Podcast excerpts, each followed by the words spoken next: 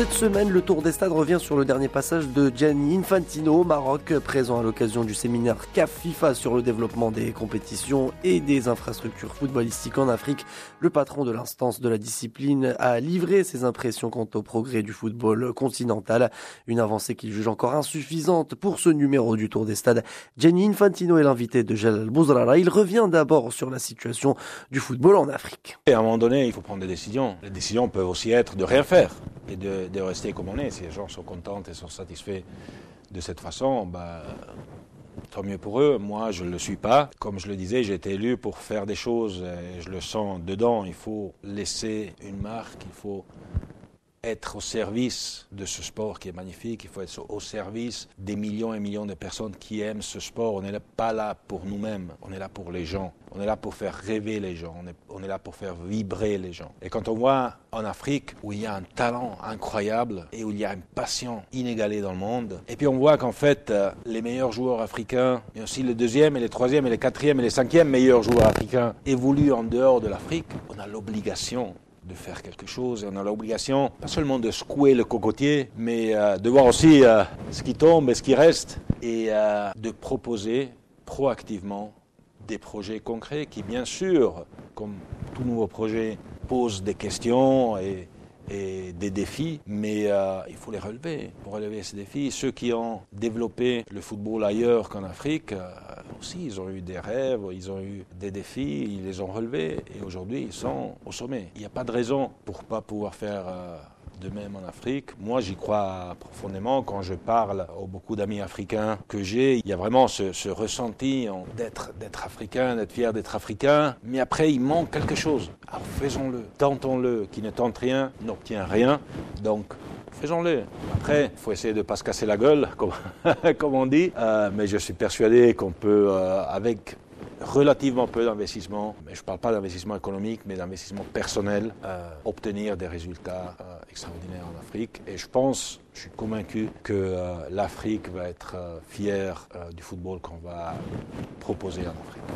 Venons-en donc concrètement à ces idées que vous avez soumises lors de ce séminaire, la professionnalisation de l'arbitrage africain, une Coupe d'Afrique des Nations tous les quatre ans et non plus tous les deux ans, une Super Ligue africaine qui devrait regrouper 20 à 24 clubs, le football féminin. Sur certains points, on a senti quand même une réticence de certaines fédérations africaines. Si, euh, mais à la fin, euh, je pense que tout le monde appuie les grands principes. Évidemment, il y a des détails qu'il faut euh, peaufiner. On ne peut pas venir ici et, présenter des projets dans, chaque petit détail. C'est sur les grands axes qu'il faut qu'on soit d'accord. Et je pense que tout le monde est d'accord pour dire que la situation telle qu'elle est aujourd'hui du football africain n'est pas satisfaisante. Aujourd'hui, il faut se dire les choses, parce que sinon on ne peut pas avancer, c'est là où ça commence.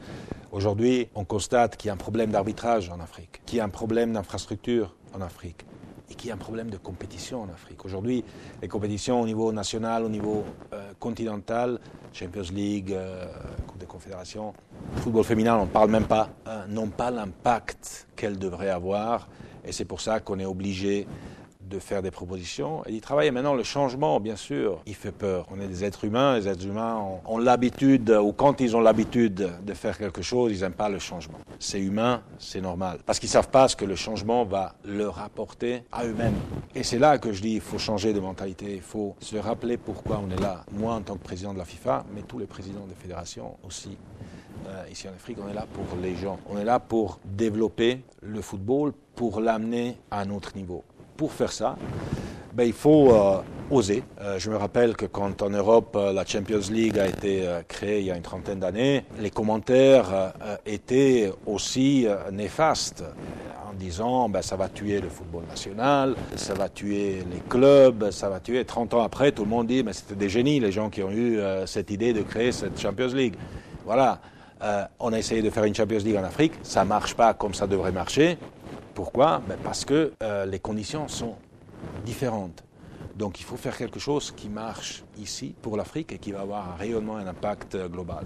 Il faut passer outre, je dirais, des, réticences qui sont humaines, qui sont normales, et euh, démontrer avec les fêtes au peuple africain qu'on peut mettre sur pied des compétitions pour les hommes et pour les femmes dont ils vont être fiers et qui vont rayonner dans le monde entier. Une chose est sûre, le plus dur reste encore à faire pour le football africain, football plus que jamais appelé à franchir un palier.